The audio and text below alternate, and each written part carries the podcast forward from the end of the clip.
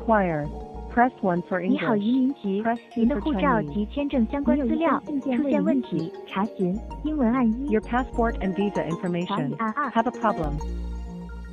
大家好，那很长一段时间以来呢，在澳华人经常会接到一些自称是中国政府机构或人员的诈骗来电，一不小心就会中招啊！这种冒充中国官方机构的骗局呢，也引起了澳大利亚方面的关注呢。像 ScamWatch 等机构也都多次发布提醒。最近呢，维多利亚州警方在圣诞前夕啊，也发布了一个中英双语的视频，再次提醒在澳华人，尤其是留学生要注意这种骗局。那我今天呢，就邀请这段视频中的主角华裔的警官赵天宇来到我们 SBS 为大家分享来自维州警方的针对此类骗局的一些指南啊、，Lucas，你好。Hello，你好。嗯，那很高兴在这里采访您。首先，能不能请您介绍一下您在这个维多利亚州警察局的这个职责，以及为什么您会发起一种兴趣，说要帮助这些中国留学生去识别这些骗局呢？嗯，我在的部门呢是 Nanawading Highway Patrol，就是嗯 Nanawading 的公路巡查队。呃，我在的那个科叫道路犯罪科 （Road Crime Team）。这个科室是专门针对呃重大交通肇事案件进行调查和刑事诉讼的一个部门。对，然后它隶属于是 Nanawading 的呃高速巡查队。做路警之前呢，呃，在 Box Hill 警察局做过三年的这个民警或者嗯叫片儿警。嗯对，然后那个时候经常会接到很多华人的报案，说自己被诈骗了。嗯，各种形式都有，从杀猪盘到，嗯，就是像今天我们这主题这个虚拟虚拟绑架案，虚拟绑架。，对，嗯呃，各种形式诈骗都有，损失金额呢有从一千多澳元，然后我接到的最高的有到二十多万澳元，呃，都有。然后我同事接到过的最高的金额是超过了三百万澳元，啊，对那金额相当之高，对，非常嗯高。虽然呃，我后面做路警了以后不再接手这方面的案子了，但是我作为华人嘛，我肯定是不希望自己同胞呃嗯。成为这方面的受害者，所以嗯想尽我所能帮助他们，避免成为受害者。嗯。那这段视频发布之后，有没有收到一些反馈啊之类的？有很多朋友，然后呃都看到说，哎呀，你嗯。不知道你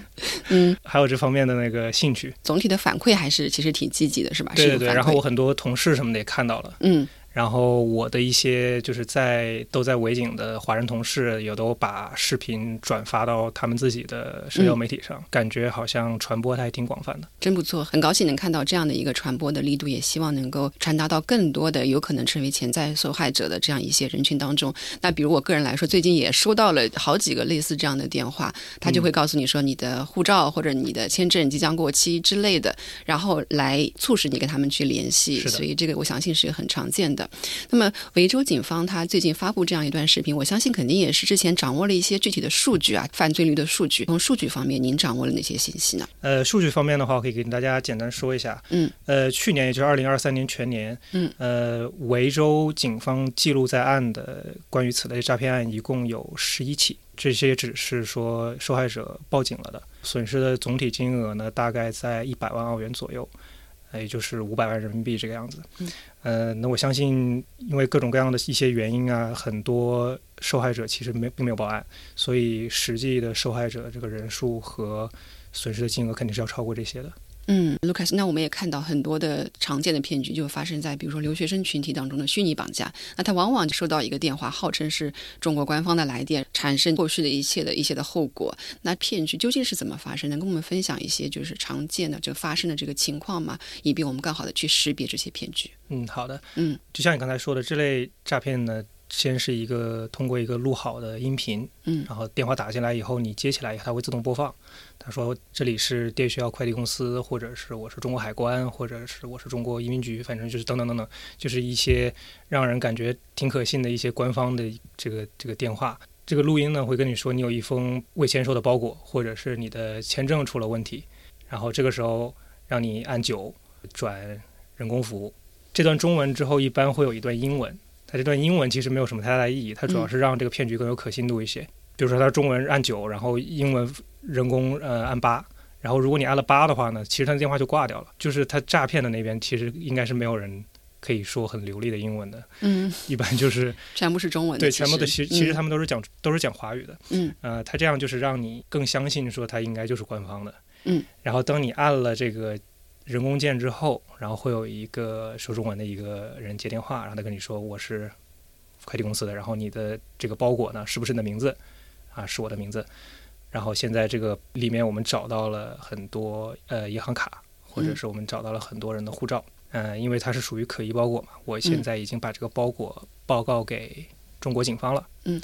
过几分钟呢，呃，中国警方会给你来电，向你进行询问。如果你不相信的话呢，你可以去呃中国警方那个官网上面找他们的电话号码，到时候中国警察会用这个电话号码给你来电。其实诈骗者他们是用一种特殊的一种技术手段，隐藏了自己的那个主叫号码，他用的是虚假的那个号码，做成跟中国警察的那个号码是一样的，这样让骗局更有可信度嘛。嗯，你挂了电话以后，接到了这个所谓来自中国警方的这个电话之后，他会说：“你好，我是什么警官，我是在哪哪个哪个哪个城市的警局，哪个城市的派出所，我们怀疑你跟一个国际的诈骗或者是走私或者是呃毒品交易一类的案件。”有关联，然后我们现在需要对你进行调查。很多人，尤其是中国留学生，他们接到这个电话以后呢，其实他们是很慌的，因为不管是毒品交易，还是走私，还是呃国际这种金融诈骗案，它这个在中国的刑罚是非常重的，它是嗯有可能是要到无期徒刑甚至是死刑的这个这个程度。嗯呃，中国留学生接到这个电话以后，他们其实非常害怕的，恐惧其实会迫使他们宁可相信对方说的是真的，嗯因为他们想确保自己是万无一失的嘛。嗯。嗯，这个时候他的正常情况下那个思维啊或者逻辑啊，可能就突然间就失效了。他在那种强大的恐惧之下，他也不知道在有什么地方可以寻求支持的时候，这时候就会去采取一些其实比较非理性的一些反应，是不是？对，是的。嗯，首先，你接到的电话，你的名字、你的信息都对得上，对，嗯、这是相信的第一步。第二步，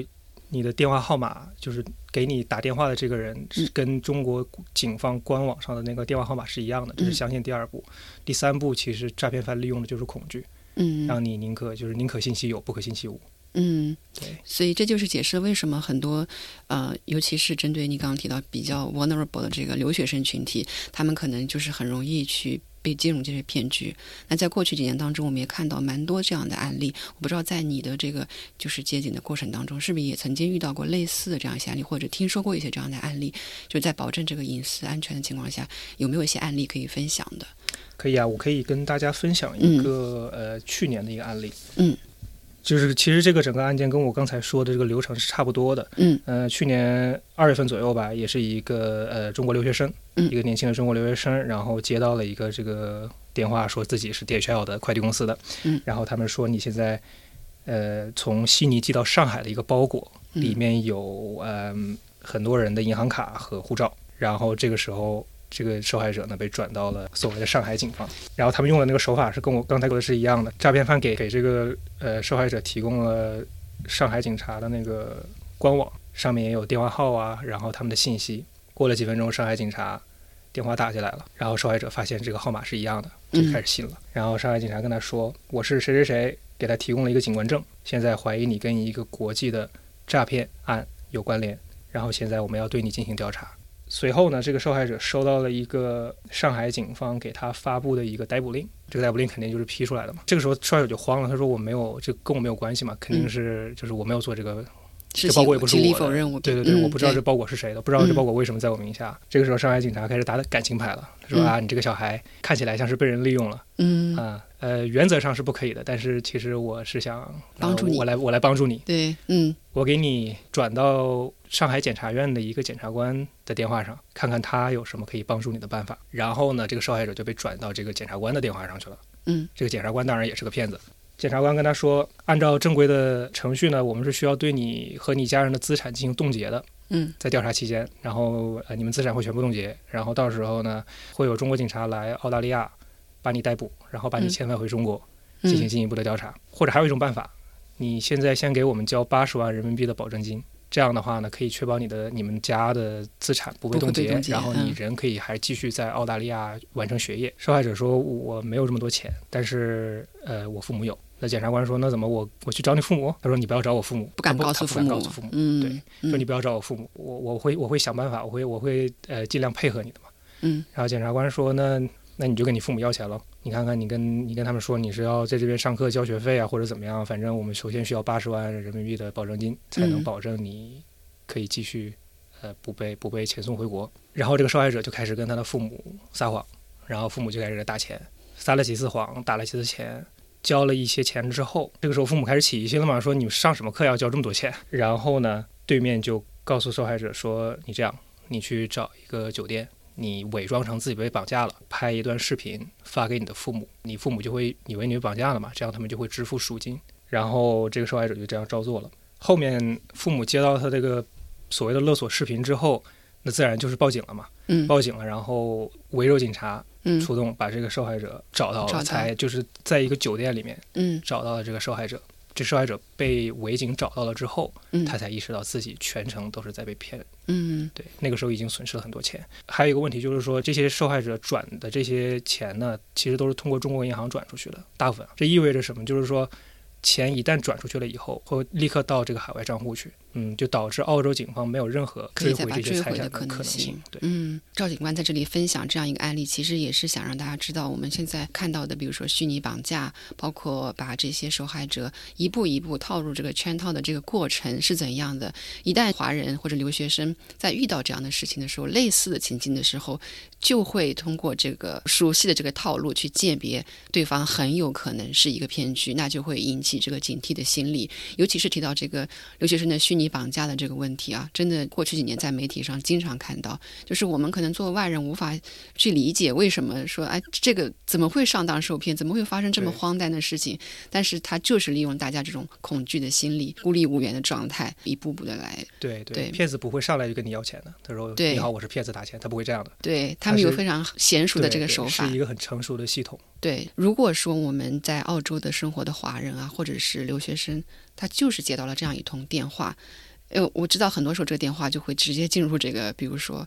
未接来电啊或者什么的，然后就会收到电话录音。像我的话就会遇到这样的情况。对我我个人也收到过很多这种，是吧对，那如果我真的接通了这个电话，然后他真的让我感觉在半信半疑当中，我觉得这个有可能是骗局，但是我不是百分之一百确定的时候，这个时候最关键的，他应该采取的一些步骤是哪些？能够我们给一些指南吗？嗯，如果你在半信半疑的情况下呢，嗯最简单、最有效的办法其实是跟你身边的家人和朋友联系，跟他们说，就是跟你身边你可以相信的人联系。你说我接到这样一通电话，我不知道是真的还是假的，嗯然后我现在很焦虑。就至少你不要马上第一时间就是跟他再继续下去，是不是？对对对，嗯然后还有一个办法可以呃验明他们身份的，呃是是这样的，就是说你可以，比如说他们说我是上海警察，然后你你自己去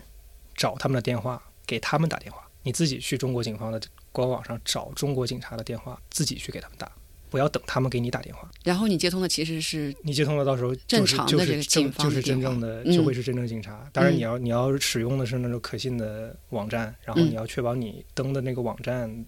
的确是官方的网站。嗯那么它上面的电话号码肯定就是呃准确的，肯定就是真实的。嗯打过去了以后，接通到真正的警中国警察或者是真正的那个政府官方了之后，你再向他们询问，呃，我是谁谁谁，然后我之前接到了这个电话，我想现在向你们查询一下是不是嗯真的。嗯，这确实是一个非常好的一个手法，就等于主动的去采取一些行动对。对对，不要嗯等别人给你打电话，一定要自己去给他们打电话，这我嗯觉得是最有效的办法。是嗯一个是跟啊、呃家人或者朋友联系，另外一个是跟他所自称的中国的官方的机构，然后自己找到联系方式，自己去去求证一下。那在澳洲这边的话，如果说我真的就发现这个是个骗局，或者说我觉得它八成是个骗局，那我可以向哪些机构去报告？嗯，在澳洲的话，就是有哪些机构我们可以来去依靠的？最呃有效、最简单的呃办法，其实就是来找警察。嗯，去你当地警察局，然后跟值班的这个警察去呃反馈这个事情。嗯，对，是这样的。每一次报案，每一次呃向警方反馈这这种类似的案件呢，嗯，都会让警方的这个情报网越来越充实。嗯，警方掌握的信息越多呢，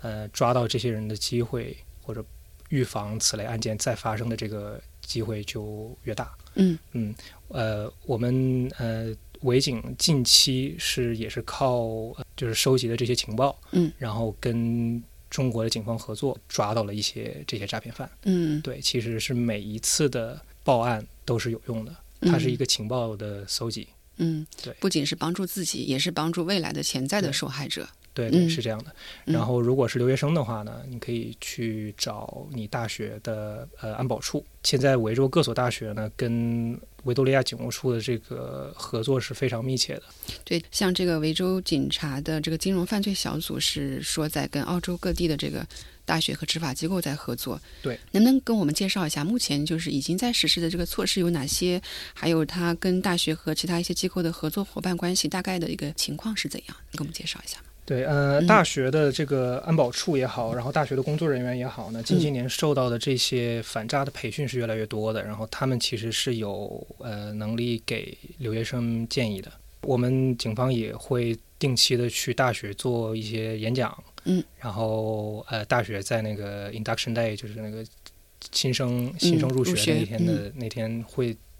呃给大家放那些幻灯片，然后就是一些反诈一些反诈的小知识。嗯、如果你觉得你自己被骗了，然后你可能因为一些原因说是呃不敢啊，或者说是语言的呃方面的一些障碍啊、你呃不方便来找警察的话呢，你可以联系你大学的安保处，他们也会给你呃很中肯的建议，然后他们也会协助你联系警察或者是联系家人，嗯免你遭受诈骗。嗯，那就是聊过以上这些话题之后，针对这些片区，就总体而言，从呃维多利亚州警方这边，还有没有什么一些信息想要跟我们的华人的听众或者观众来去传达的一些信息需要补充的？嗯，最好的建议其实就是说，收到这类电话呢，直接挂掉。嗯、说句心里话，不要害怕我们，一定要呃怎么说，相信相信我们吧。对，一定要相信我们，然后相信呃真正的政府人员，不要被网络上的很多键盘侠误导信息，说警察会种族歧视啊，不会帮你啊，然后就是你过来找警察，然后他会调查你啊，然后他会把你遣送回去啊。你跟警察打交道了以后，你就你的签证会受影响啊，你的嗯大学学籍会被开除啊，这些都不会发生的。我们只是想帮助受害者而已，成为受害者不是你的错。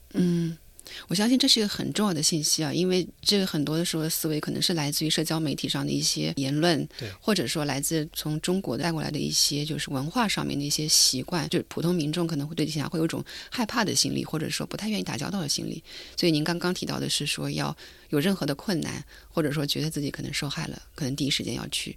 跟警察来去报告，然后去获取应该得到的支持，是不是这样？是这样的，嗯是这样的。好，那非常非常感谢 Lucas 啊、赵天宇警官今天来到我们 SBS 的演播室，我希望对大家都有产生很好的帮助，也希望这样一种类似的冒充中国官方的这个骗局能够越来越少，最终就是不会有华人，不会有留学生会因此成为受害者。好的，谢谢您，好，谢谢你，Helen。谢谢。